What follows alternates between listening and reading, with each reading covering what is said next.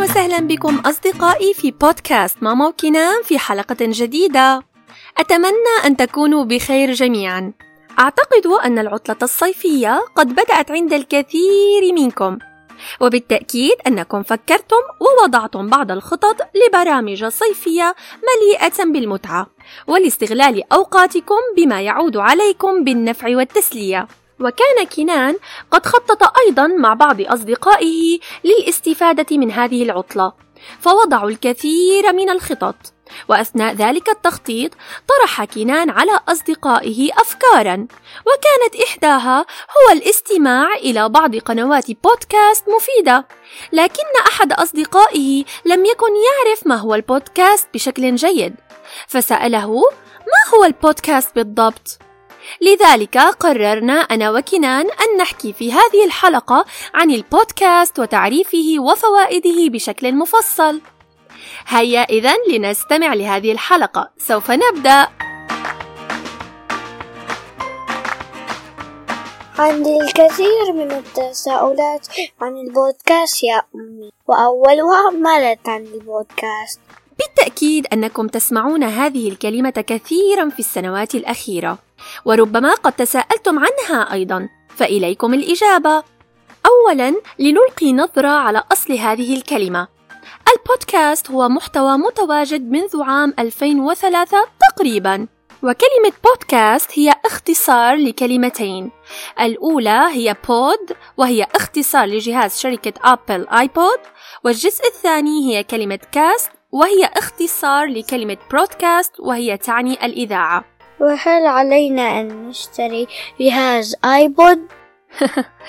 لا بالتأكيد والبودكاست هو عبارة عن محتوى صوتي أو مدونة صوتية متوفرة على الإنترنت هل يعني أنه مثل إذاعة الراديو؟ يختلف البودكاست عن الراديو أنه يمكنك سماعه في أي وقت وليس فقط عند البث المباشر عكس الراديو الذي يتحكم بوقت الاستماع ويمكنك سماع المحتوى والمواضيع التي تناسبك ومن ضمن اهتماماتك من خلال متابعة البودكاست الذي تختاره عكس الراديو الذي يتحكم بالمحتوى والمواضيع المطروحة في الإذاعة. والفرق بينه وبين الراديو كالفرق بين اليوتيوب والتلفاز تقريبا. فالتلفاز يتحكم بالوقت والمحتوى الذي يعرضه.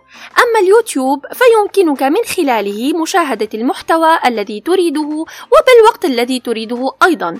وقنوات البودكاست كثيرة ومتنوعة وثرية جدا ومناسبة لطبيعة الحياة السريعة التي نعيشها في هذه الأيام. ويمكن للبودكاست أن يكون في صيغة صوتية أو فيديو وكيف يمكننا سماع البودكاست؟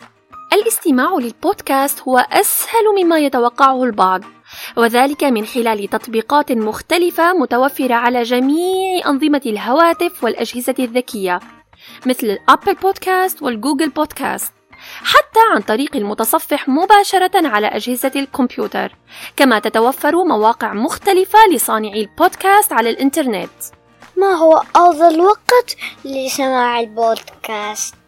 يمكننا سماع البودكاست في أوقات كثيرة ومختلفة، ولكن أفضلها مثلا أثناء التنقل في السيارة أو المواصلات، أو أثناء ممارسة أنشطتنا اليومية مثل شرب كأس الحليب في الصباح وأثناء الفطور أو الغداء مع العائلة أو ممارسة أنشطة مختلفة مثل الرسم أو الرياضة أو العمل أو حتى قبل النوم. سألني بعض الأصدقاء ما فائدة البودكاست. يعتبر البودكاست مصدر ترفيهي وتثقيفي سهل يحتوي على معلومات غنية وقيمة ومتنوعة تزيد حصيلتنا اللغوية والثقافية والعلمية ويساعدنا على استغلال أوقاتنا الضائعة. مناسب جدا لمن يجد صعوبة في قراءة الكتب فيوفر بديلا جيدا ويساعدنا في نمونا الفكري والمهني والعقلي. بالإضافة أنه سهل الاستماع ويمكن سماعه في أي وقت كما قلت سابقا. سأخبركم سرا يا أصدقائي. عندما سمعنا عن البودكاست لأول مرة أنا وكنان وريان تعجبنا قليلا وراودتنا الكثير من التساؤلات. فقررنا أن نقرأ ونتعرف عن البودكاست. ولكن عندما تعرفنا عليه أكثر وتابعنا بعض القنوات البودكاستية المفيدة أحببناه بشدة وتحمسنا كثيرا. وأصبح كنان وريان دائما ما يطلبون مني تشغيل البودكاست في السيارة أو أثناء الفطور أو أثناء اللعب حتى. وتابعنا من خلاله الكثير من المواضيع والقصص الشيقة. وجعلناه عادة من عاداتنا اليومية. لذلك لا تترددوا في الدخول إلى هذا العالم الجميل والرائع والمميز.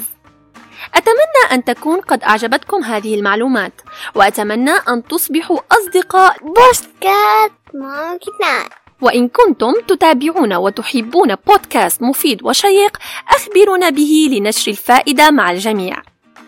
إلى هنا وتنتهي حلقتنا لليوم. ألقاكم في حلقة جديدة. إلى اللقاء. مع السلامة.